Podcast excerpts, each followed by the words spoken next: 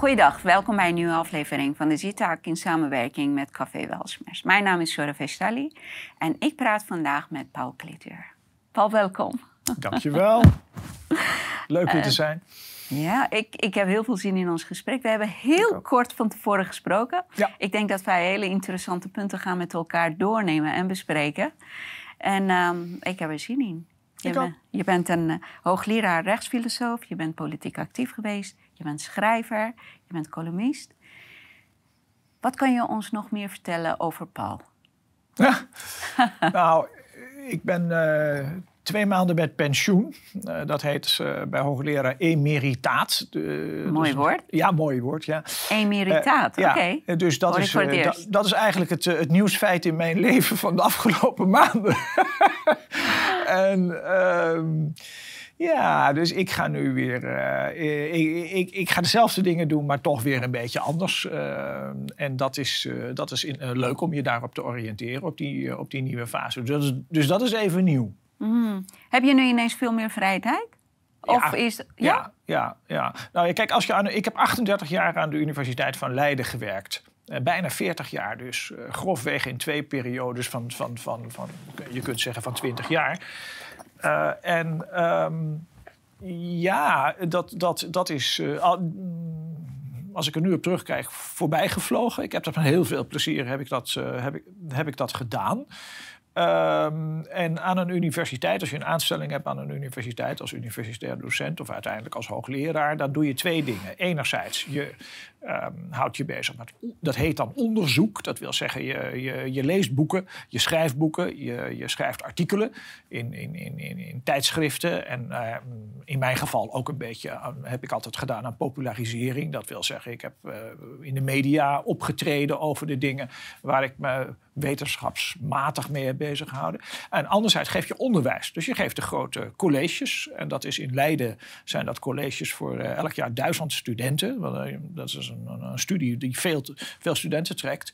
Dus ik heb heel veel met studenten te maken gehad. En ehm, eh, ja, en eh, dat zijn de twee dingen die je doet. Dus onderwijs en onderzoek. Mhm.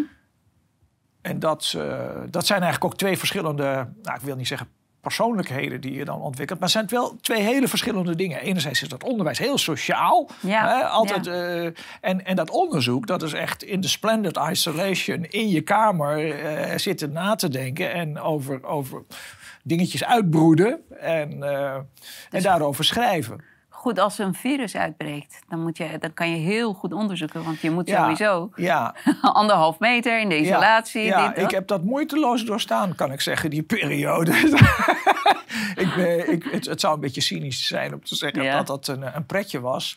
Want ik vond het ook wel heel naar. eh, met name voor onze dochter en voor jonge mensen in zijn algemeenheid. voor studenten die allerlei. Maar het, het- als ik heel eerlijk ben, eh, ik, dat, dat, dat ging mij wel goed af. Ja, zo even zo'n Je had tijdje. er niet heel veel last van. Nee, maar ik vind het ook weer fijn om nu hier te zijn hoor. Ja, En- zeker, en, weer inderdaad, sociaal ja. contact te hebben. Maar Ja. ja. ik, heb daar, eh, ik heb er in ieder geval niet heel zwaar onder geleden, kan ik zeggen. En ehm, ja, Je bent ook een tijdje politiek actief geweest. ja, in een zekere zin nog wel. Nu nog steeds. Een beetje, Ja?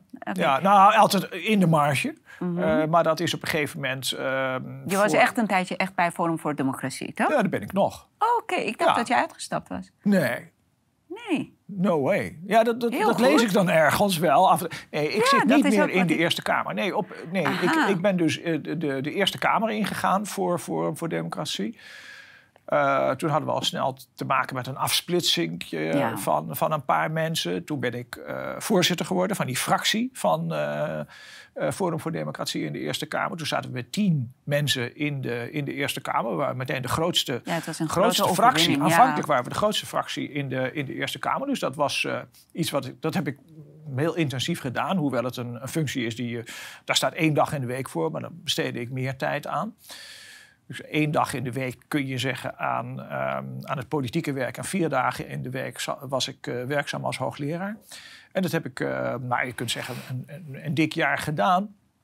Maar door allerlei ontwikkelingen zei op een gegeven moment uh, uh, onze partijleider Thierry Baudet, wat een oude promovendus van mij is, die bij mij heeft bij mij een boek geschreven waarop hij is gepromoveerd en is ook eigenlijk een persoonlijke vriend, die, um, uh, die zei: Kom jij nou die, kom die Eerste Kamer in? Dat heb ik toen gedaan. Maar ja, dat, dat was niet omdat ik nou zo een politieke carrière ambieer. Maar ik, eh, ik vond Forum voor Democratie, vond en vind het een goede partij. Goede ideeën hebben. Ik en uh, ik vind hem een hele inspirerende man om mee samen te werken. En dat heb ik gedaan. Uh, maar op een gegeven moment ehm, vond hij dat hij zich terug, terug moest gaan trekken. En toen heb ik gezegd, nou, dan doe ik het ook. Ja. Maar goed, dat, dat heeft hij toen geannonceerd. Ik heb het geannonceerd, maar de volgende dag zei ah, Baudet, ik kom toch terug, ik ga toch door. Paul, we, we gaan door. Ik zeg, nou, oh, wacht even. Ik heb nou uh, overal aangekondigd dat ik zou stoppen. Bij, uh, ik heb tegen de universiteit gezegd, ik kom weer die ene dag terug. Ik had het bij de voorzitter van de Eerste Kamer geannonceerd. Ik, ik, ik, ik trek me terug. Dus ik denk, ja, ik ga nou niet na één nachtje slapen me weer aanmelden en, en zeggen, nou, daar ben ik weer.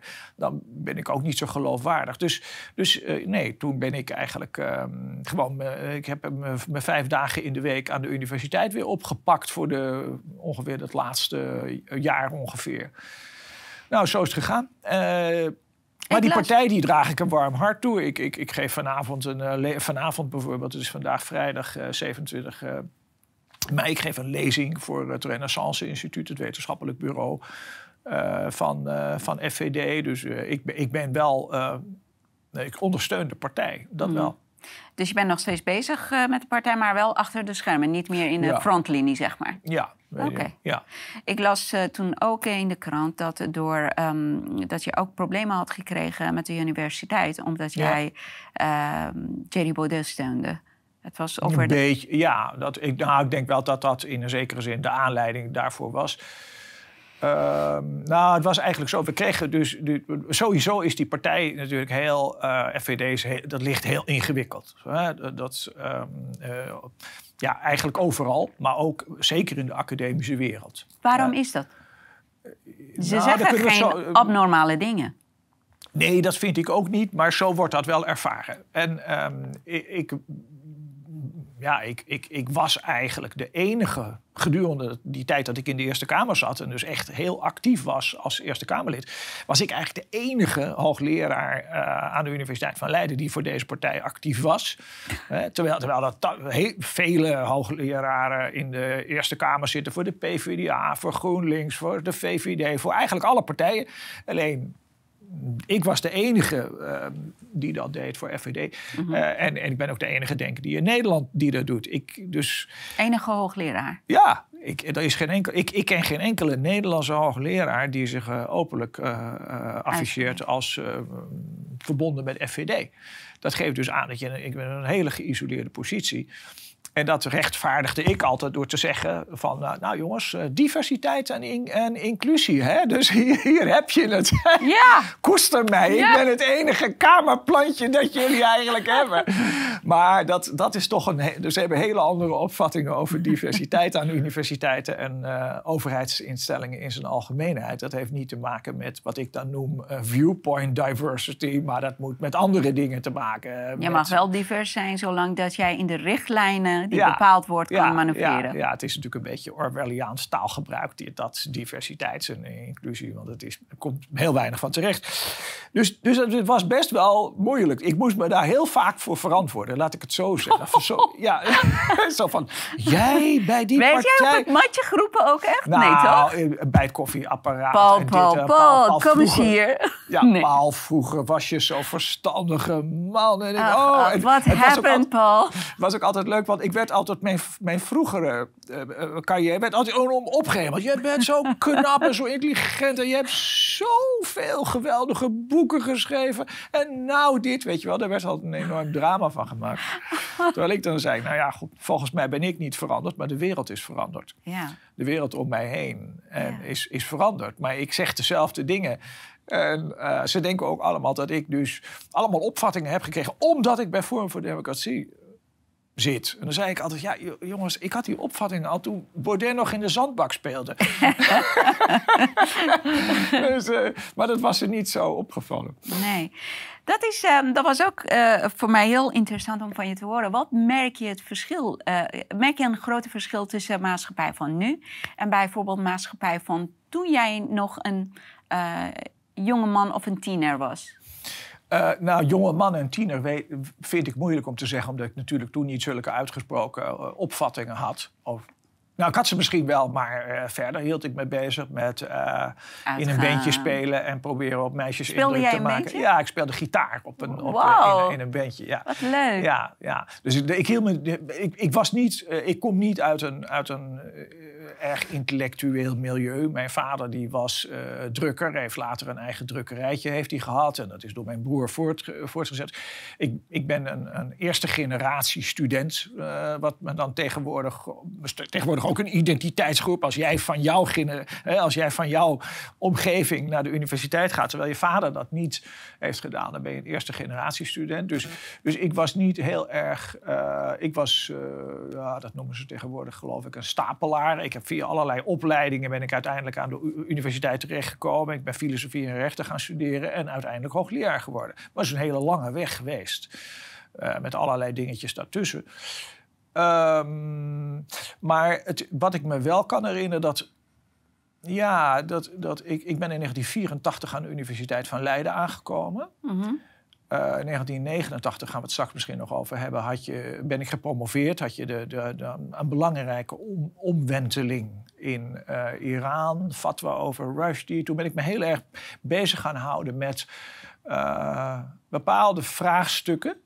En dat, dat maakte mij in een zekere zin wel eh, een beetje omstredener eh, dan andere eh, mensen die aan die universiteit werkten. Dus, dus het feit dat ik ehm, me bezig hield met onderwerpen die me een beetje buiten de mainstream plaatsten, dat, dat is al heel vroeg begonnen.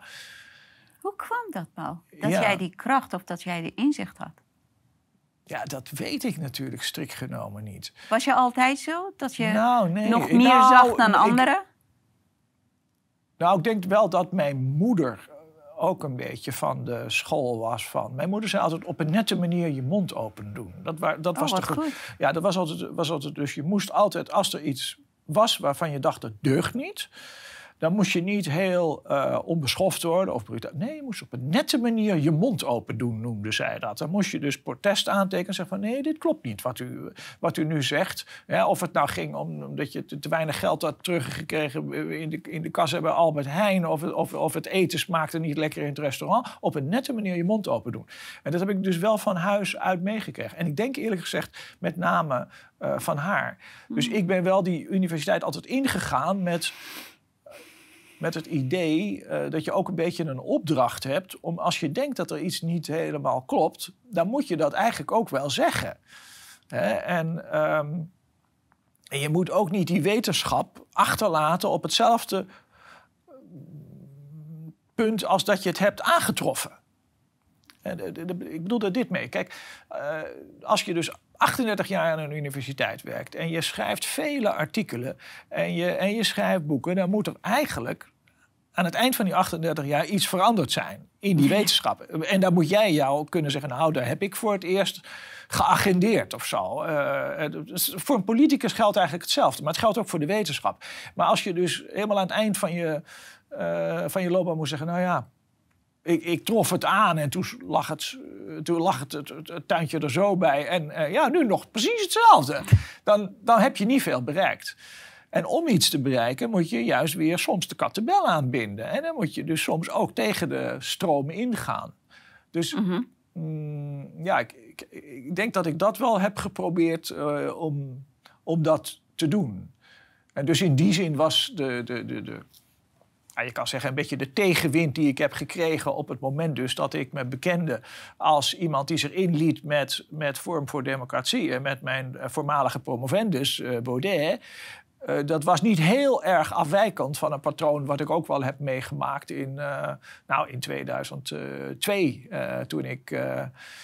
Eh, toen ook wel, ik ging toen een oratie houden. Dat is een soort van reden die je houdt bij de aanvaarding van je ambt. En toen waren er ook al mensen van, nou, u denkt anders. En we gaan, eh, met een trommel voor de deur staan en zo. Weet je, dat, dat was, was toen ook al een beetje protest tegen sommige dingen die ik, die ik toen zei. En dat was twintig jaar later nog steeds zo dus.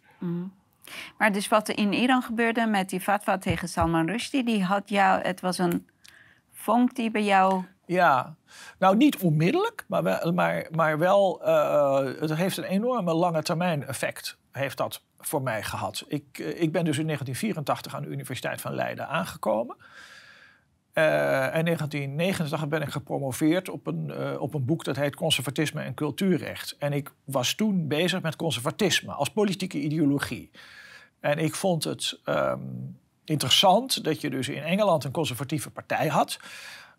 En dat conservatisme, co- conservatisme kennelijk eh, nou, in een zekere zin reçu was. Dat werd geaccepteerd. Maar in Nederland vond men dat eigenlijk heel verwerpelijk, conservatisme. Iedereen was progressief, toen ook al in, in, in, in, in Nederland. Conservatisme was heel fout. En toen dacht ik, ja, dat kan toch niet zo zijn... dat dat in, in Engeland wel kan en hier niet. Ik ga het conservatisme onderzoeken. Dus ik ben daarover gaan schrijven.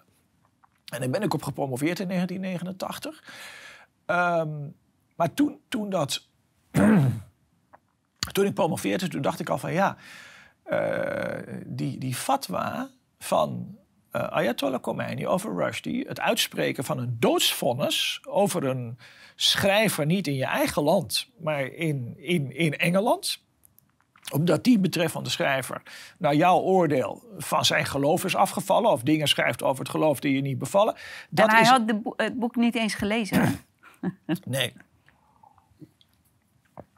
Dat verandert, dat, dat verandert de wereldgeschiedenis, dacht ik.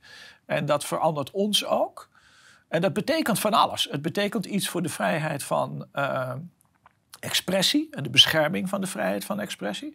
Het betekent iets voor nationale soevereiniteit, want die, die is voor, was heel moeilijk te handhaven voor een land. Als je een schrijver in jouw land hebt die de, die, die de dood waardig wordt geacht door een, door een andere supermacht, dan, dan betekent dat iets voor nationale soevereiniteit.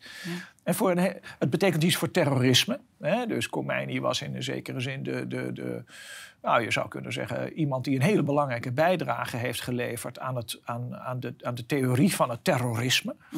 Eh, ik heb dat later genoemd, onder, onder andere in dit boek, dus de theoterrorism, eh theoterrorisme. Is een boek uit 1918, Theoterrorism and Freedom of Speech. Wat betekent dat theoterrorisme, die vorm van terrorisme die Khomeini nou heeft geïntroduceerd, wat betekent dat voor de vrijheid van, van meningsuiting? En hoe moeten we ermee omgaan? Dat was volgens mij de eerste keer dat het zo openbaar en eh, schaamteloos een terroristische opdracht werd aangekondigd, toch? Of was dat al eerder Ja. gebeurd in de, in de Nou, geschiedenis? Nou, kijk, het is natuurlijk ook zo dat, dat Willem eh, van, O- van Oranje, eh, dus de grote Ne- Nederlandse voorvader van de Nederlandse staat, ook vermoord is door Balthasar Gerards. Maar was dat en- een, en die- een opdracht? Een duidelijke opdracht Minder, minder, minder, minder duidelijk dan in het geval van Khomeini. Maar het was wel ook zo dat de katholieke kerk daar een, eh, achter stond. Mm. Ja, ja. Eh, en, en die Balthasar Gerards, die wordt in, in bepaalde katholieke kringen, nog wel in Frankrijk nog steeds, eh, geëerd als iemand die deze ketter, deze afvallige van het geloof, Willem van Oranje, vermoord heeft. En het is ook wel zo dat eh, Paus Pius V, die heeft ook wel een, ehm, eh, de katholieken in Engeland opgezet tegen koningin eh, Elisabeth. En dat zelfs in een bul neergelegd. En Renjans eh, in excelsis. Dus, dat, dat, dus er zijn wel parallellen met de katholieke kerk. En datgene wat ehm, eh, vanuit het islamisme wordt, wordt ehm, eh, gelegitimeerd. Maar in de moderne tijd is dit, is dit eh, ja, ongekend eigenlijk wat, ze- wat, wat Khomeini deed. En eh, een- Stalin heeft Trotsky laten vermoorden natuurlijk. Ja. Maar Stalin was daar niet trots op. Stalin ging niet een soort van verklaring uit- uitgeven van... en hierbij is Trotsky, die is eh, eh, veroordeeld en mag omgebracht worden of zo. Dat ging allemaal op een stiekeme manier. Maar Khomeini deed het heel openlijk. En dat Khomeini is, deed het heel openlijk met een hele eh, grote beloning. 1 miljoen dollar Ja. was het toen. Ja, Als, als Salman Rushdie vermoord werd. Ja. En iedereen die het boek had, had gelezen... of in het, ja, in het bezit van een boek was... ja. Die kreeg ook gelijk een dood, doodvonnis, doodstraf. Ja. Ja, het is En elke, elke moslim die dat eh, Ja. deed, die had gegarandeerd een plek in hemel. Ja. ja, dat is natuurlijk een heel eh, eh, belangrijk iets. Maar voor de rechtswetenschap... Kijk, het verbaasde mij dus. wa- Wat betekende dat nou voor mij en voor mijn eh, werk aan de, aan de Universiteit van Leiden? Dat was dat ik in eerste instantie verbaasd was... dat dit onderwerp zo weinig aandacht kreeg. Natuurlijk, elke, elke collega van mij in Leiden weet natuurlijk dat dat gebeurd is in 1989. Tegelijkertijd hebben ze er heel weinig over te zeggen. Het heeft heel weinig eh, impact op hun werk. Ze, Ja. ze gaan door, business as usual. En ehm, eh, ze, doseren aan de, aan, de, aan de studenten. Nou, er is vrijheid van meningsuiting in Nederland.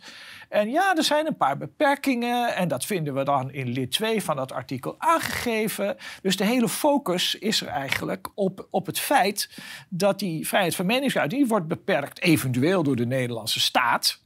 Maar niet door iets anders. Terwijl ik dacht, ja, nee, dat is achterhaald. Het, eigenlijk wordt de vrijheid van meningsuiting van Salman Rushdie... Die, die wordt niet beperkt door wat de beperkingen die de Britse staat hem oplegt. Maar dat wordt beperkt door, door een buitenlandse dictator.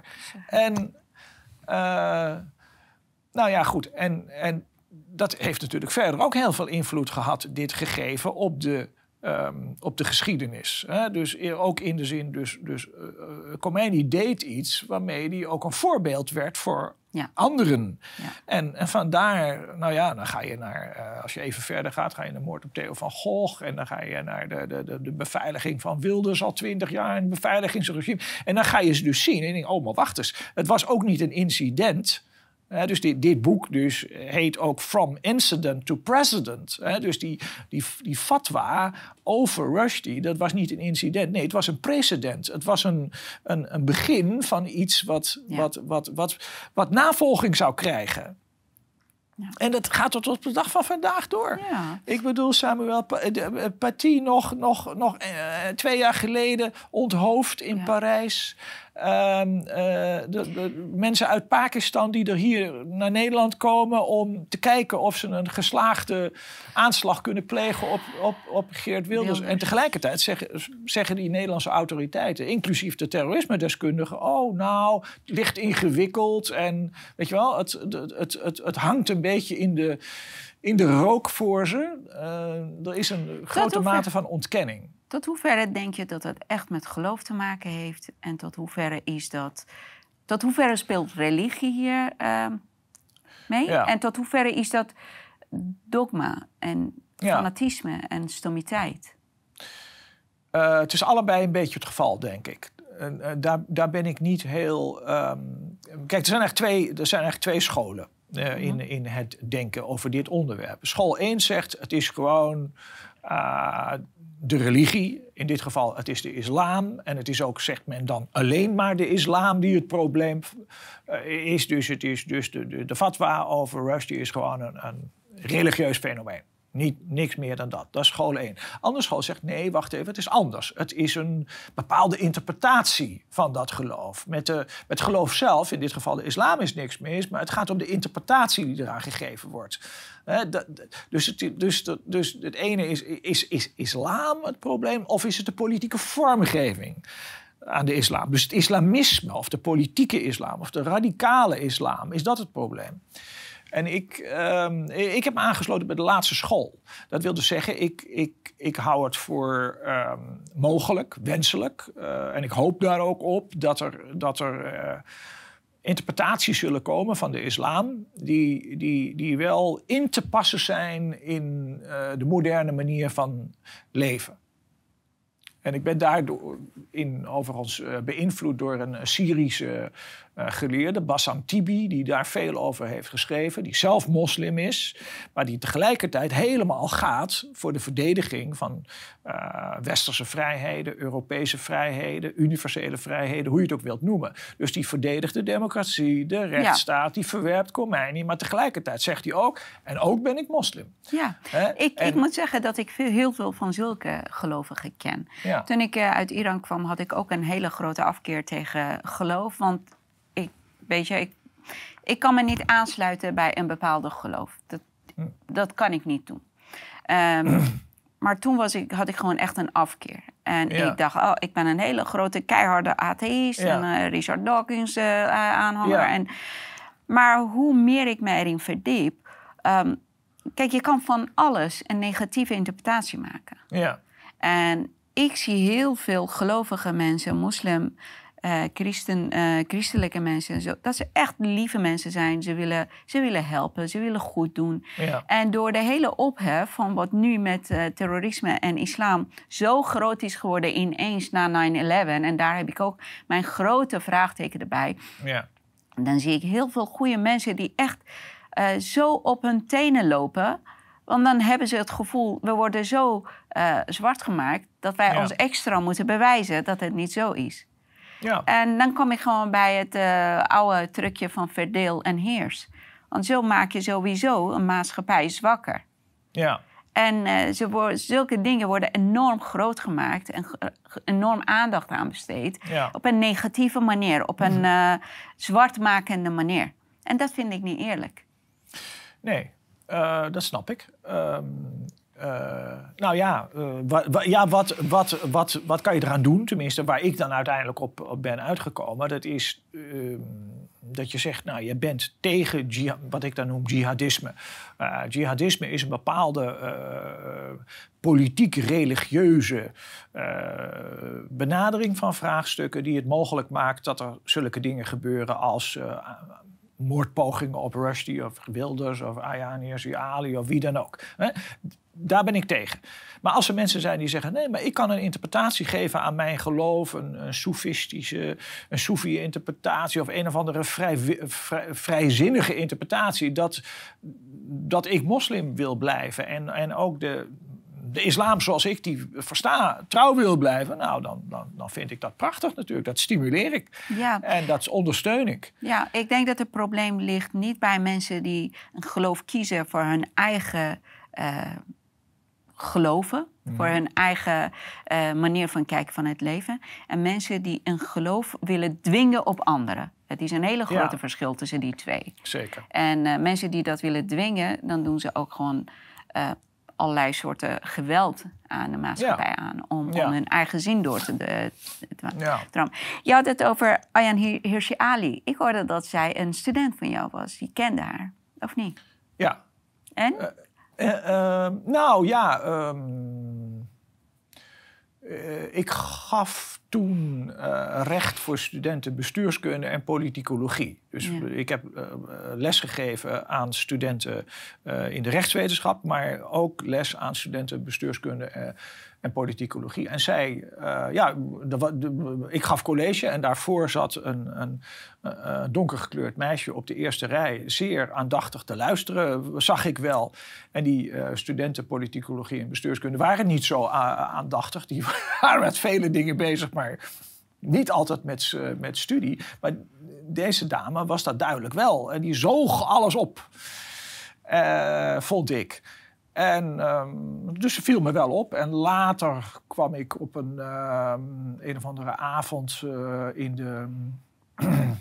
Ik dacht dat het eh, Paradiso was, de Bali, dat weet ik eigenlijk niet, niet- meer. Kwam zij weer naar me toe en zei: Ja, ik, eh, ik krijg les van. Mijn naam is dus Ayaan Ursi Ali. Wij moeten praten met elkaar, want eh, nou, het is allemaal heel interessant wat u zegt. En ik heb ook allemaal ideeën en die wil ik met u delen. Ik wil horen wat u daarvan vindt. En nou ja, zo, zo zijn we met elkaar in contact gekomen. En eh, eh, toen zij vertelde wat ze wilde gaan doen, het opkomen voor vrouwenrechten binnen de PvdA.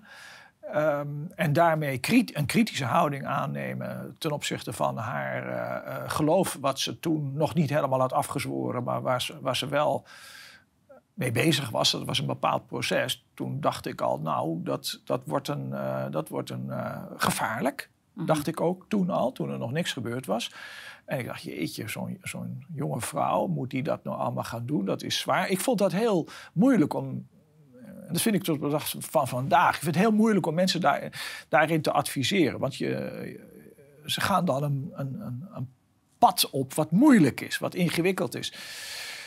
En, ehm, maar aan de andere kant, ja, iemand moet het doen, hè? Dus ik heb haar in die zin uh, ja, in ondersteund. En uh, zo goed en zo kwaad als dat kan, ook van advies gediend. Overigens niet alleen, maar ook bij andere mensen deden dat. Maar, en nou ja, dat is dus geworden wat het geworden is en toen ze op een gegeven moment ook met ideetjes begon over uh, dat ze wilde, ze wilde eerst een tentoonstelling gaan maken en Koranteksten op poppen gaan schrijven en dat het Stedelijk Museum en dit. En toen zei ik al, oh ja, dat is allemaal, dat wordt, dat geeft veel te veel gedoe.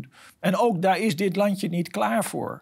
Daar is de politie niet klaar voor, daar is het Openbaar Ministerie niet klaar voor, is de politiek niet klaar voor. Die, die mensen weten nog helemaal niks van wat er in jouw hoofd omgaat en de, en de moeilijkheden die dat dan met zich mee kan brengen. Denk over wat we hebben gezegd over 1989. Dan zitten we nu dus, hebben we het nu over 2001, 2002, 2003, die periode. Mhm. Maar goed, dat is het dus al, op een gegeven moment. Uh, uh, ja, ik heb nu een filmmaker ontmoet, Theo van Gogh. Toen dacht ik ook, ja, die ken ik ook. Maar dat geeft wel een hoop gedoe. Maar ja, oké, dat is het dus allemaal uh, history. Ja. Ja, dus ze was heel erg. Maar uh, tot hoeverre was, denk je, uh, door haar eigen persoonlijke ervaringen um, hiermee bezig? En tot hoeverre was dat echt de logische interpretatie van het geloof? Nou, beide denk ik. Ik, ik, ik, ik denk wel dat zij iets. Um, nou ja, als je haar boeken leest, kijk, het, het is een hele rationele vrouw. In de, in de zin dat ze, ze kan, vind ik, heel goed nadenken. Ja, dus ze, ze, kan iets ook. Dus, um, en uh, ze heeft dat, vind ik, betrekkelijk genuanceerd geanalyseerd. Allemaal, waar ze haar eigen ervaringen. En ze heeft ook de islam en, en, en de eventuele problemen met de islam betrekkelijk genuanceerd geanalyseerd. De meeste mensen lezen die boeken natuurlijk niet. Het is hetzelfde met de boeken van Thierry Baudet. Die leest men niet. Men, heeft iets, men, men laat zich iets aanpraten door de mainstream media. En dan, denk, en dan op basis van die fantasieën beoordeelt men iets. Maar als je werkelijk dat, uh, die boeken van Ayaan gaat lezen, dan zie je dat ze een behoorlijk genuanceerd verhaal heeft. Mm -hmm. Uh, zelfs ook uh, in een van haar boeken de mogelijkheid openhoudt dat die islam zich zal gaan ja. hervormen. Net als Bassam Tibi dat, uh, dat doet. Dus het is helemaal niet zo'n eenduidig verhaal als veel mensen denken. En ook, ook waard om kennis van te nemen, vind ik. Um, dus ja, maar ja, er zijn natuurlijk allerlei persoonlijke ervaringen die ze natuurlijk ook heeft. Hè? Uh, ze is gekleurd, ze is vrouw, ze is uh, besneden. Ja. Ze heeft natuurlijk een hele hoop. Al, alle vinkjes eigenlijk, uh, zou je kunnen zeggen, hè, van de minderheidsgroepering, die heeft ze allemaal afgevinkt. En dat heeft haar natuurlijk ook ja, ook, ook bepaald Gevormd, natuurlijk. Ja. En, en, de relatie met haar moeder, de relatie met haar vader. We zijn allemaal natuurlijk in die zin ook, een, ook wel een product van, ons, van onze ervaringen. Klopt, klopt. Ik heb haar boeken niet gelezen, maar ik, heb, uh, ja. ik kan zeggen dat ik bijna al haar interviews en uh, speeches en lezingen die op internet te vinden zijn, heb ik gevolgd. Ja. Ik vind haar en ze praat heel op een prettige manier. Heel veel dingen wat ze benoemt, kan ik, ze, kan ik mezelf erin terugvinden. Uh, ja. Ervaringen wat ze heeft. Want ik kom ook uit Iran toen, toen ja. geloof daar op een hele uh, fanatieke wijze werd uitgeoefend. Ja, jij bent in 1993 ben je uit Iran ja, naar Nederland gekomen. Ja, klopt. dus dat is ja, vier, jaar, vier jaar na de fatwa. Ja, ja. dus vier jaar na de fatwa. Uh, ja, ik, ik, ik, ik, we hebben dus in 1979 de, de, de omwenteling gehad, eh, of de coup, of de, het wordt hier vaak de revolutie genoemd. Ik heb net van je geleerd, dat is een, uh, een staatsgreep, zou, je, zou jij het waarschijnlijk Machtsovername, dus, ja. Ja, dus dat is 1979. Dan, dan, dan heb je in uh, 1989 heb je die fatwa. Ja. He, dan valt, op dat moment valt de muur. In 1993, dat is, ook, dat is dus of is het nou 91 dat de Sovjet-Unie in elkaar stond? Ik denk 91. 91, 91. dus weer twee jaar daarna um, kom jij hier. Ja, ja oké. Okay. Ja, dat is even, even plaatsbepaling. Ja, ja en uh, de, weet je, ik, ik, um, ik vind haar heel fijn dingen uh, analyseren en beschrijven. Um, en wat je zegt, ik zie ook uh, die uh, mogelijkheid in wat ze zegt. Dat het, want ze heeft ook moslimvrienden is niet dat ze echt anti-islam en anti... Zij is zelf atheïst en zij heeft zelf niks met geloof. Ja. Dat kan ik heel goed begrijpen. Ik zie het in Iran ook nu. Er zijn heel veel mensen die ehm, afgekeerd zijn. Ze willen helemaal niks meer met geloof te maken hebben. Je hebt eh, ook, je ziet bij Ja. sommige groeperingen dat zelfs satanisme heel erg geambieerd wordt. En het komt. eh, kijk, als jij een, eh, ehm, een generatie heel erg onder de druk houdt eh, voor bepaalde dingen, dan krijg je ook verzet. Ja, En krijg je ook weerstand. En dan kan het ook gewoon van de andere kant heel erg overdreven ja, worden opgepakt. En dat vind ik jammer. ja. Eh, logica, nuancering en eh, ja, middenweg, die is zoek. Nee, dat ben ik met je eens. Maar het, het, het, kijk, het is ook heel veel. Wat, wat, wat is de betekenis van woorden? Hè? Eh, misschien ben je eh, nog steeds wel atheïst hoor. Eh, zonder, dat, zonder dat je dat realiseert. Kijk.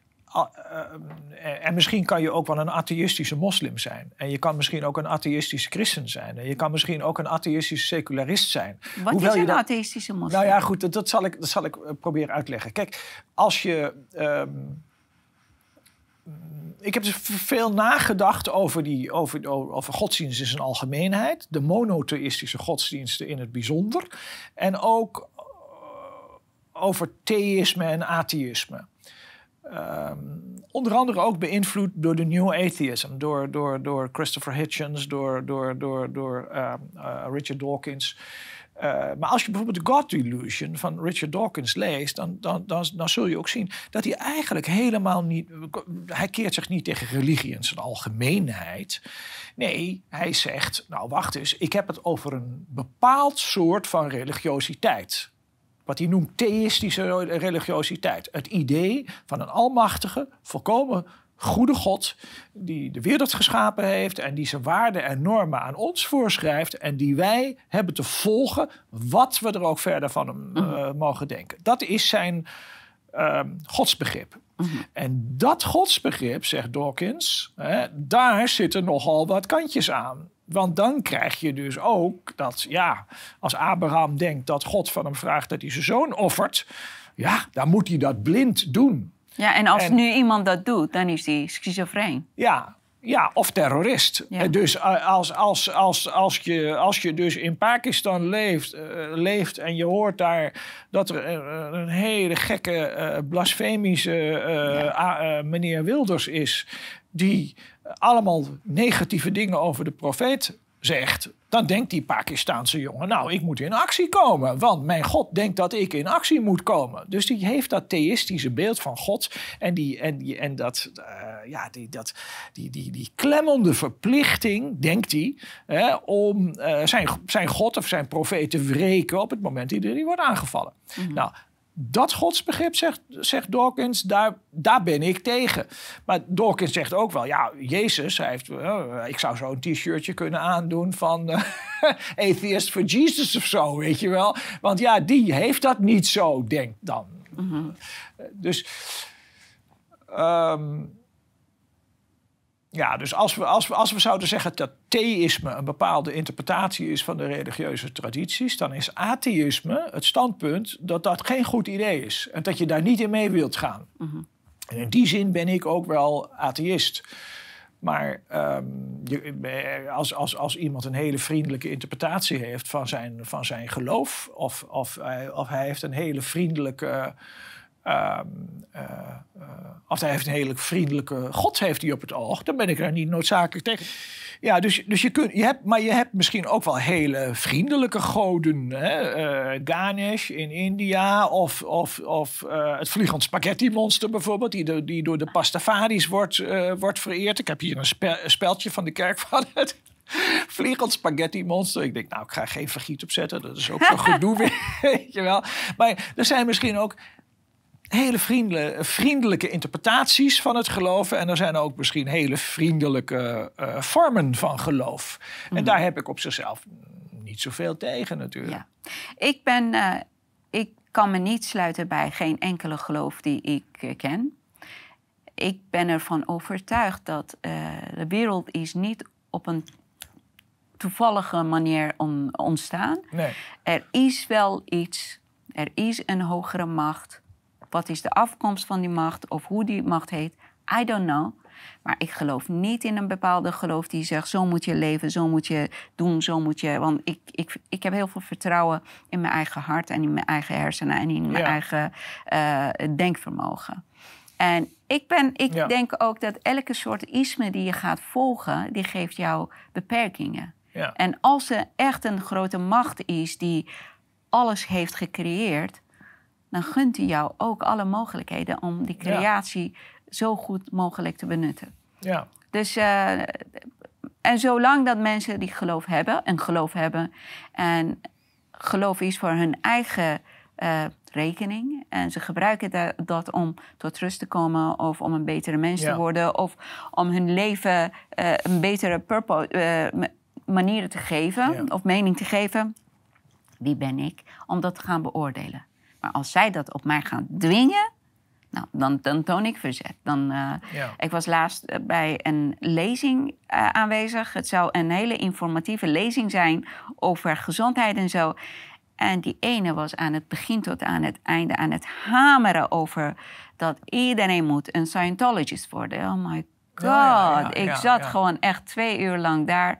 En het was continu bijt op mijn tong. Mm -hmm.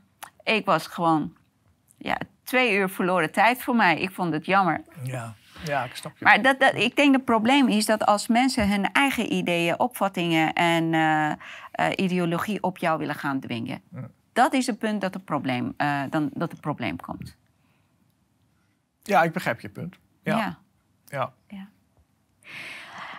Ik ga nu een draai maken naar een hele andere persoonlijke vraag. Als jij terugkijkt in je leven, uh, als jij je nu, vergelijkt met 20-jarige Paul of 30-jarige Paul, wat voor, eigenschappen, wat voor eigenschappen ben je, uh, mis je? En wat voor eigenschappen heb je ontwikkeld dat je zegt, ah, daar ben ik heel erg trots op? Mm.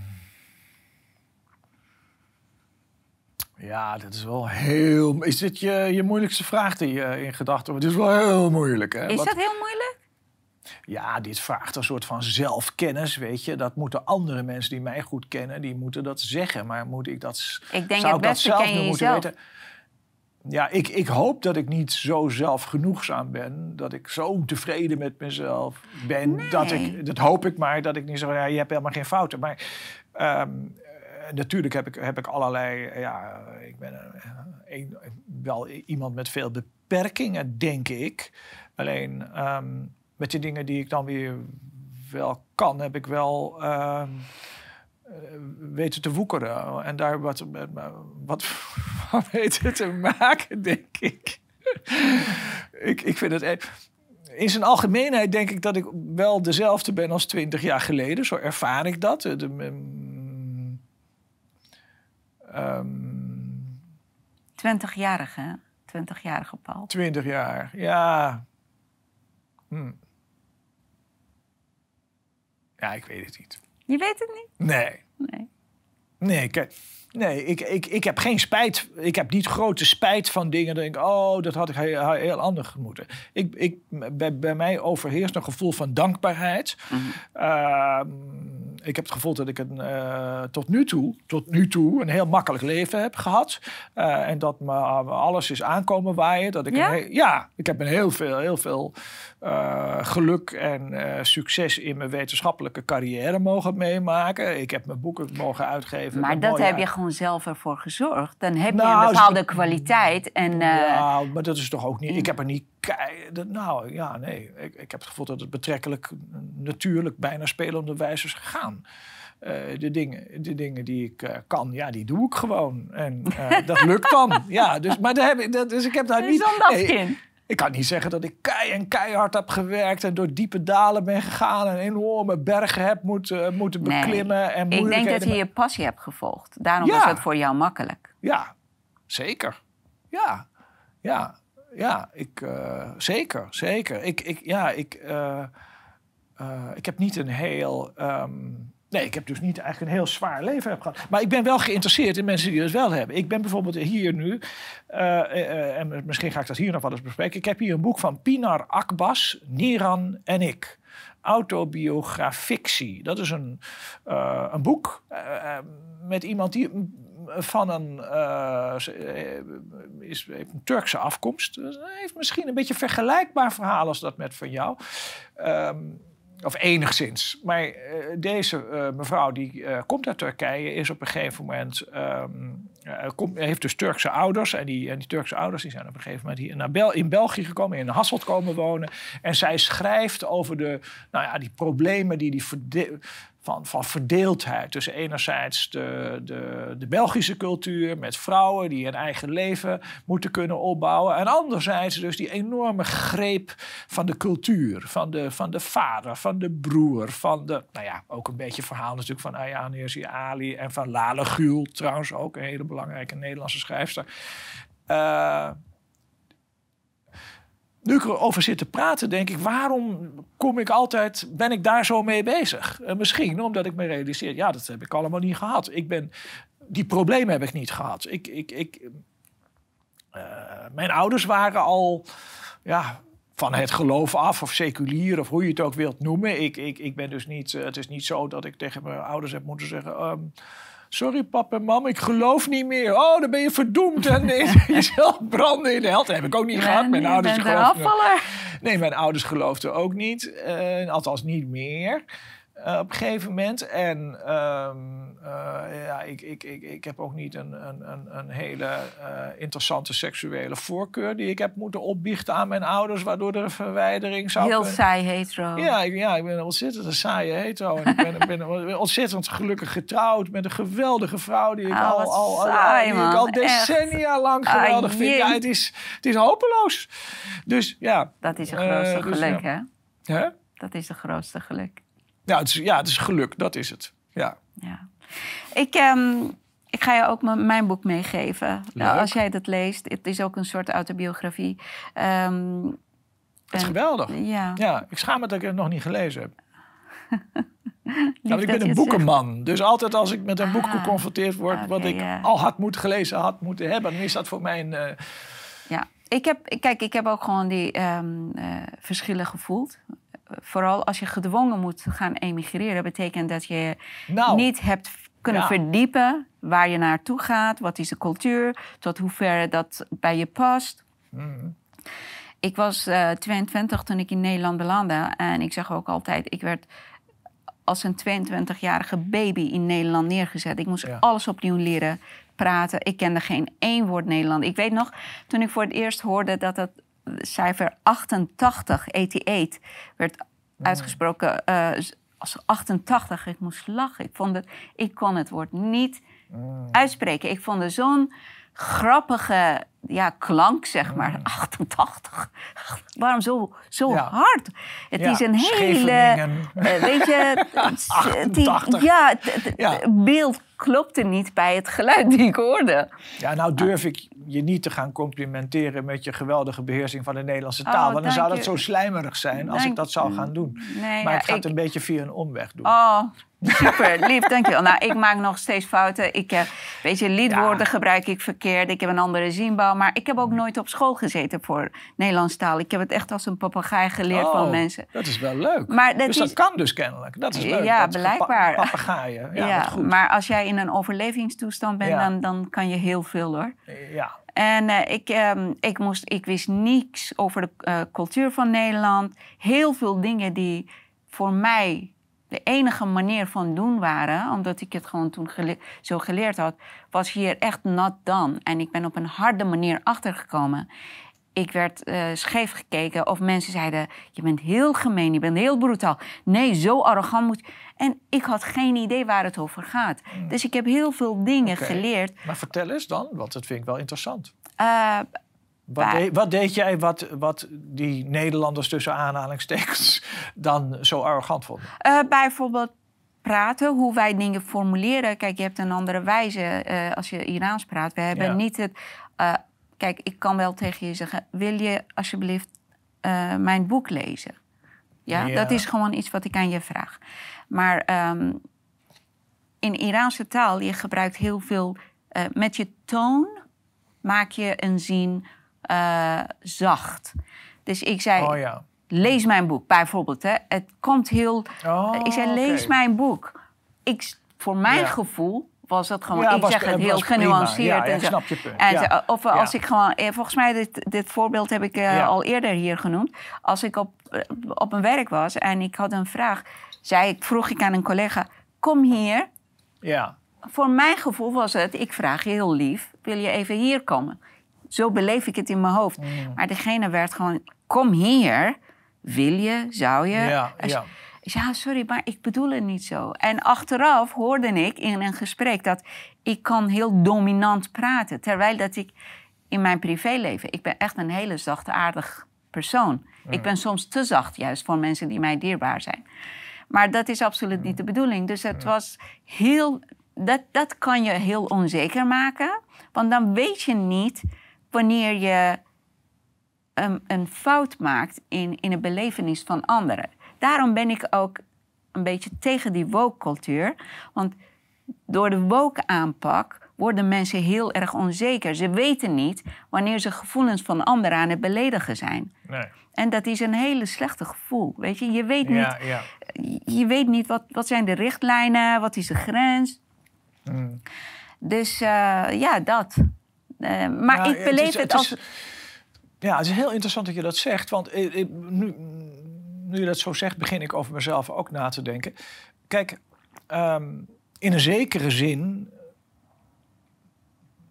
ben ik wel meer naar die positie gegroeid waar jij het nu over hebt. En daar bedoel ik mee dat, dat wat wel voor mij een eh, verandering is geweest in mijn leven een beetje, dat is dat de afgelopen vijf jaar grofweg, het is nu 2017, ja, vijf, zes, zeven jaar, ik wel iets meer eh, heb eh, geleerd om om te gaan met het feit, nou, ik wil niet zeggen dat je een outcast bent, maar in ieder geval doe, eh, zeg ik, iedereen is er zich nu van bewust, hij zegt dingen en hij doet dingen die anders zijn. Hè? Door eh, je, je v- verbintenis aan, aan politieke dingen en je standpunten die je eh, inneemt. Terwijl vroeger was dat meer iets van, ah ja, goed, hij is een beetje. Hij denkt er een beetje anders over. Ook leuk, weet je wel. Hij, hij gelooft in dierenrechten en dit en dat. waren allemaal gezellige onderwerpen. Maar op het moment dus dat je je iets meer verbindt aan een politieke richting... die op een gegeven moment ook lijkt enige macht te gaan uitoefenen in, Nederland... worden mensen een stukje minder vriendelijk. Hè? Dan, dan is het niet meer... ehm, tolerant en zo, en iedereen mag van alles denken en doen, dan is het nee, dan word je gevaarlijk. Door wat je. de- dus, dus in die zin ben ik wel een beetje eh gedesintegreerd, zou je kunnen zeggen. Dus ik ben niet geïntegreerd, maar ik ben gedesintegreerd in een zekere zin. Ja. Eh, waardoor het een beetje herkenbaar wordt wat je, wat je voor mij, wat je, wat, je, wat je hier zegt. Dat mensen dus we hebben allemaal een opinie. Hè? En, en moet je allemaal weer dus gaan, eh, die mensen moeten opnieuw weer ehm, geconfronteerd worden met wie je eigenlijk bent en zo. En dan denk je, ach, dat valt ook eigenlijk wel mee. Ja, nou ja, waar maak ik me ook geen zorgen. En eh, zorgen over, maar met name in een coronatijd, wil je elkaar helemaal niet, niet, niet ziet. En dan Ja. krijgen mensen ook natuurlijk allerlei eh, ja, fantasiebeelden. Hè? En jij zit daar en bij die partij, of je doet, eh, weet je wel. En dan, ja. Ik heb ooit bij een politieke partij gesolliciteerd. Ik werd afgewezen omdat ze mij te hard vonden. Dan denk ik, hard? Ja nu wil iedereen weten welke politieke partij Nee, dat ga is. ik niet benoemen. Dat ga ik absoluut niet benoemen. Maar ehm, ik, ik sta gewoon voor. Weet je, ik, ik ben nooit bang geweest om, om eh, wat eh, correct was te verdedigen. Als, als iets onrechtmatig overkwam, het boeide me niet wat anderen van mij dachten. Ik was altijd een soort uitsta mm, outsider die opkwam voor de recht van minderheid die onrechtmatig Ja, behandeld ja, werd. ja. Dat ben ik altijd. Op school ben ik ook zo geweest. Thuis ook. Iedereen kent dat bij mij.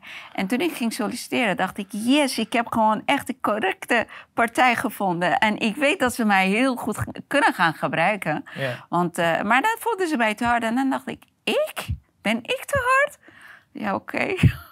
Nou, Nee, maar ehm, je kan ook harder overkomen. ja, maar weet je wat het is? Alsjeblieft, blijf trouw aan jezelf. Oh, tuurlijk. En dat moet je altijd Als ik doen. Één ding ik ben daar heel heb, erg, heel erg blij mee. En ik, ik, ik bedoel, kijk, jij hebt meer tijd nog in dit leven dan ik. Maar ik wil ook niet als ik weer over vijf jaar of tien jaar denk van... oh, ik heb me hele tijd aangepast en ik heb de hele tijd dingen ingehouden en zo. Nee, alsjeblieft. Ik heb er geen zin in. Ehm, eh, ik ben. Mijn moeder weer, hè, op een nette manier je mond open doen. Ik, bedoel, ik wil ook niet mijn moeder ontrouw worden en... en eh, met onze lieve Heer straks eh, in contact komen en dan moeten uitleggen. Dat zeg ik als atheïst. En dan, dan gaan ze zeggen, ja, eh, eh, Heer, ik heb, ik, ik heb me altijd aangepast. Ik heb het altijd ingehouden. nee, maar en dan heb je En geen dan- eigen kleur als je je altijd Nee, aanpast. Nee, Nee, nee, dat, dat is gewoon wat ik geleerd heb. Nee, ja, klopt. Ja. Ik heb het in het En leven het geleerd. En, fijn en- dat we hier zitten bij zo'n omroep als dit. Ik, ik, ik vind het ook geweldig dat er allemaal dat we nieuwe media hebben, dat we Café Weltschmerz hebben. En te- ik schrijf ook stukjes in de dagelijkse standaard. Dan zeggen ze, oh, even schuur. Ja, nee, jongens, ik ga er echt mee door. Hou op. Hè? Of bij Ongehoord Nederland. Dat, dat, eh, lang leven de pluriformiteit. En maar gaan- geloof je dat er nog steeds vrijheid van meningsuiting bestaat in Nederland? Nou, er zijn twee hele grote bedreigingen voor de vrijheid van meningsuiting. Die ene, dat is het jihadisme waar we het net eh, gehad hebben. Wat is er over van de vrijheid van meningsuiting eh, voor eh, Geert Wilders, voor Ayaan Hirsi Ali? Pim Fortuyn is vermoord vanwege een mening. Ja, uiteindelijk wel. Hè? Ja, de echte verhaal bedoel je? Wat zeg je? Echte verhaal. Nou, eh, laat, laat ik zo zeggen. Volkert van der G heeft, heeft, heeft Pim Fortuyn in 2002 vermoord... omdat hij vond dat deze man gestopt moest worden. Ik denk dat dat wel de, de basis is. En dat was eigenlijk op basis van wat hij zei. Hij zei, de, hij zei de dingen die men niet wilde horen. En dat was twee jaar later met Theo van Gogh ook het geval. En de... de ehm, conclusie die ik eruit heb getrokken... dat is dat die vrijheid van meningsuiting heel broos is... in het, in, in het bijzonder omdat de meeste mensen niet bereid zijn om het te verdedigen. Meeste mensen, als het moeilijk wordt, zeggen mensen van pas je maar aan. Wees Ja, maar, dat is, ja, dan zegt men... eh, dan zegt, Ruggengraatloze mensen. ja, de- de- dat is de, de meerderheid van de mensen. En dat is eigenlijk ook geïnstitutionaliseerd. Klopt. Je hebt, je hebt het tegenwoordig over institutioneel racisme. Nou, dat is geïnstitutioneerde, eh, geïnstitutionaliseerde ruggengraatloosheid. Generatie. Grote probleem. Dus dat is een probleem. Dus, de, dus de, daadwerkelijke geweld dat jihadisten bereid zijn te, te plegen... of eventueel extreem eh, linkse activisten als Volkert van de G... ten opzichte van mensen die dingen zeggen die ze niet willen horen. Dat is één. Maar, maar een tweede bedreiging zie ik ook wel. Dat is veel softer en diffuser. En dat is waar je het net over gehad hebt. Dat is woke. Eh, Ja. Gedachteloze eh, mensen die allemaal Gecastreerde mensen. Die allemaal dingetjes overnemen. Die denken dat Ja. ze dus eh, sociale rechtvaardigheid aan het dienen zijn. Maar die in feite een enorm taboe aan het uitrollen zijn. Over allerlei dingen die je niet mag zeggen en denken. Eh, En de woke-cultuur is... Gevoelens zijn belangrijker dan de eh, feiten. Dat, dat vind ik heel gevaarlijk. ja, feiten zijn er niet meer. Feiten, feiten zijn eh, ouderwets. Fouten, feiten bestaan niet. Er zijn opinies, meningen. En, eh, en er is ook geen onderzoek naar wat de waarde is van wat iemand zegt. Wat je probeert te doen. En je zegt, wie zegt het? Ja. En Waar komt die persoon vandaan? Eh, wa- eh, en dan wordt er iets, nou, hij zit bij, bij- of hij zit bij die partij, of hij heeft, of hij heeft een vriendje die, die, die, die dat zei, of hij stond op de foto met, met zus, of, of hij kwam daar, weet je wel. Het is, het is echt heel ehm, moeilijk om mensen nog ertoe te brengen om te zeggen, nou, het doet er even niet toe of Vladimir Poetin of moeder Teresa of de paus in Rome het gezegd heeft. Maar laten we gewoon eens gaan kijken wat de inhoud is van deze opmerking of we daarmee eens kunnen zijn. Dat kunnen mensen niet. Dan zeggen ja, de paus heeft het gezegd of moeder Teresa of Poetin heeft het gezegd. Dus het, het- de, eigenlijk de wetenschappelijk, want dat is wetenschappelijk rationele onbevangenheid om de Ja. dingen te beoordelen op, op, op, gewoon op zijn eigen merites. Dat is heel eh, Gevaarlijk. zeldzaam tegenwoordig. Ja, nou, sowieso. eh, Mensen vinden nu, in deze tijd, boodschapper veel belangrijker dan de boodschap zelf. Ja, Ze klopt. luisteren niet naar de boodschap. Ze kijken wie het brengt, wat is de verpakking en dan is het klaar. Ja. En dat vind ik, uh, dat, dat, dat kwaliteit mis ik in mensen. Dat ze naar Ja. de boodschap kijken. Maar wat, wat is nou mijn dilemma? Want ik ga je ook een, een, dilemma, zal ik je openbaren. Wat ik ervaar als een dilemma, nu na 38 jaar eh, les te hebben gegeven aan de universiteit. Maar wat ik dus een, als een dilemma ervaar. Ehm, dat is dat ik heb eigenlijk altijd eh, aan mijn studenten gezegd: luister eens, eh, je moet onbevangen in de discussie staan. Je gaat het onderzoeken en je gaat er eigen mening over vormen. Hè, maar je, je probeert het met zo min mogelijk vooroordelen probeer je te benaderen. En bij ons aan de universiteit, daarvoor zijn we een universiteit, kan eigenlijk alles onderzocht, bediscussieerd, beklopt en betimmerd worden. Hè, dus doe je best. Een rationele houding, wetenschappelijk houding. Dat was de wetenschappelijke houding. Dat heb ik al- eigenlijk aan mijn studenten voorgehouden. Eh, nou, sommige studenten doen dat. Dat daalt in. Maar soms word ik wakker in de nacht en denk ik... Ja, maar zadel ik ze eigenlijk niet met iets op... wat heel moeilijk is in deze wereld waarin ze nu komen te leven. Hetzelfde probleem wat ik dus had met Ayaan toen, in 2002. Ik dacht, ja, je hebt wel gelijk, Ayaan... maar dat wordt een lange weg. En dat wordt ook moeilijk. En dat gaat veel voor jou persoonlijk betekenen. Maar hoe is het nu eigenlijk? Als je dus dat aan studenten leert, dat worden, ehm, bereid ik ze eigenlijk nog wel voor op een carrière aan de universiteit? Of is het allemaal woke geworden? Dat te lastige mensen met te, eh, te is er nog wel een plaats voor vrijdenkers eigenlijk in de cultuur zoals we die nu aan het ontwikkelen zijn. Tegelijkertijd is het zo dat ik ook vind dat ze er moeten zijn natuurlijk. Dus, dus ik zal ook altijd tegen mensen zeggen van... eh, natuurlijk, eh, onderzoek het allemaal.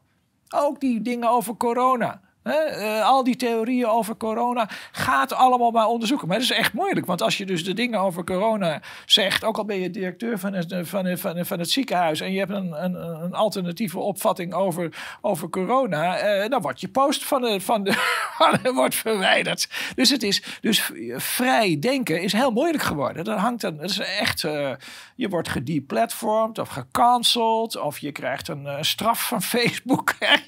weet je wel, dan word je er even... Ja, het gebeurt mij ook. Dan heb je nu weer straf gekregen. Dan zit je weer in het strafbankje. Voor een aantal dagen komen je voor je post. Ja, het is een gekke wereld geworden. Hè? Eh, maar dat vind ik dus wel een dilemma hoe je daarmee om moet gaan. Maar nou ja, je kan een dilemma ook als een uitdaging formuleren. En dan wordt het gewoon weer interessant. Het kan nu nog steeds aangepakt worden. Maar mensen moeten dat. Kijk, ik, ben, ik kom uit een land die, eh, als je een afwijkende mening had, dan wist je dat je keihard gestraft werd. Zo ben ik gewend. Ja. Dus ik vind het hier, ik vind het heel eng. Nou, jammer dat. Ja. hier die straf ook steeds meer en meer Ja, komt. op een hele subtiele manier Ja. eh, sluipt dat er ook in. Kijk hoe ver is het gezakt in de afgelopen jaren. Weet je? Hoe diep is de vrije meningsuiting gezakt. Maar ik vind het niet, niet eng, omdat ik keiharde straffen eh, gezien heb. En heel veel van die straffen ook zelf gevoeld heb. Daarom Ja. blijf ik gewoon erop hameren. Mensen, kom op. Is het is geweldig. nu of nooit, nu of nooit. Het is echt een hele gevaarlijke kantelpunt. Ja. En eh, ik, hoop, ik hoop dat eh, die ruggengraatloze houding Ja. weg kan gaan. Want we hebben, aantal, we hebben een groep die wakker is en die komt ook op voor normen en waarden die belangrijk zijn. We hebben een kleine groep die echt als een, weet ik veel, een baby gelooft in alles wat ze horen. We hebben een hele eh, groep mensen die weten dat het niet klopt. Maar ze vinden het te moeilijk of te heftig om op te staan. En dat is de groep die het moeilijk maakt voor iedereen. Dus als die groep gaat leren om niet alleen maar te kruipen, maar ook om wel eens op te staan, dan denk ik dat wij een hele, ja, dat wij een he- hele eind eh, onze doel kunnen bereiken. En onze doel is vrijheid en geluk voor iedereen, toch? Helemaal. Wat wil jij nog met, eh, met mensen die naar ons luisteren delen? Wat ik met de mensen wil die. Ja, mensen die naar ons luisteren nu, mensen die ons zien. Wat wil je met die mensen delen? Nou, ik, ik vind dat je het geweldig hebt afgesloten. Ik, ik, ehm, eh, wat ik wil delen, dat is dat ik, ik hoop dat er veel mensen zijn die onbevangen in het leven blijven staan, uh, vragen blijven stellen. Uh, publiekelijk die vragen ook blijven stellen. Eventueel bereid zijn om, voor zover ze dat kunnen, ook daar een heel klein beetje lastige consequenties van te dragen. Dat moet je accepteren, dat dat er allemaal bij. En dan hoop ik dat je samen in een um, vrije discussie verder kan komen. Hè? Ik, ik, ik, citeer dan altijd uh, John Milton: Let truth and falsehood grapple, zeg ik altijd. He, laten de, waarheid en de leugen maar openlijk met elkaar botsen. dat, is een, en uh, dan moet daar iets goeds uit naar voren kunnen komen. En blijf dat ook verdedigen. Dat dat mag, dat dat heel goed is. Het is niet goed om je aan te passen. Het is niet goed om te zeggen, ik hou me maar in. Nee, het is echt nodig dat je um, uh, ook die cultuur van vrijheid overeind Dat kun je niet als individu. Maar ik zeg altijd, de vrijheid kan je alleen maar collectief verdedigen. Dus als iemand dus ook zegt van ja, het wordt me nu toch even te lastig, want ik kan ontslagen worden of ik, ik krijg zoveel toestanden in mijn, in mijn familie of mijn vrouw wil gaan scheiden als ik dit doe of ik Oké, dat snap ik. Maar uh, nou, een strafje van Facebook van twee weken, dat moet je, moet je kunnen hebben. Als je dan meteen dus in je, in je schulp kruipt en zegt: oh, oh, ik ben weer helemaal gecorrigeerd. Nou ga ik me gedragen en de dingen zeggen uh, zoals iedereen ze zegt. Dat is, dat is heel jammer. En uh, ik maak altijd het grapje uh, dat ik heb de afgelopen vijf, zes jaar doorheen dat, dat, dat noem ik de afstand-eis gehoord. Hè, van je moet afstand. Wanneer ga je afstand nemen van Baudet van FVD of afstand van dit of afstand van dat? Of iemand zegt nou moet je afstand nemen van racisme, nou van dit en van zus en van zo. Ik zeg nou, dan zeg ik altijd, weet je zolang we nog niet helemaal in, in de DDR leven, de voormalige Oost-Duitsland, of we leven nog niet helemaal in, in, in, in Iran, of we leven nog niet helemaal in Pakistan of in China, wil ik nog proberen hè, om, om even dat mes op de keel dat ik ergens afstand van moet nemen, om, om dat nog even uit te stellen.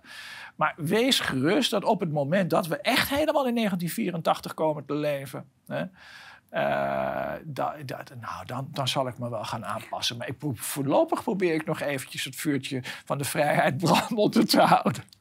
Ik heb in 1984 beleefd in 1984 en dat was geen pret. Well, yes. Dankjewel. Dankjewel. Dankjewel. Dank voor het kijken, dank voor jullie tijd. Um, heb respect voor kleuren van anderen, maar blijf altijd trouw aan je eigen kleur. Graag tot de volgende keer.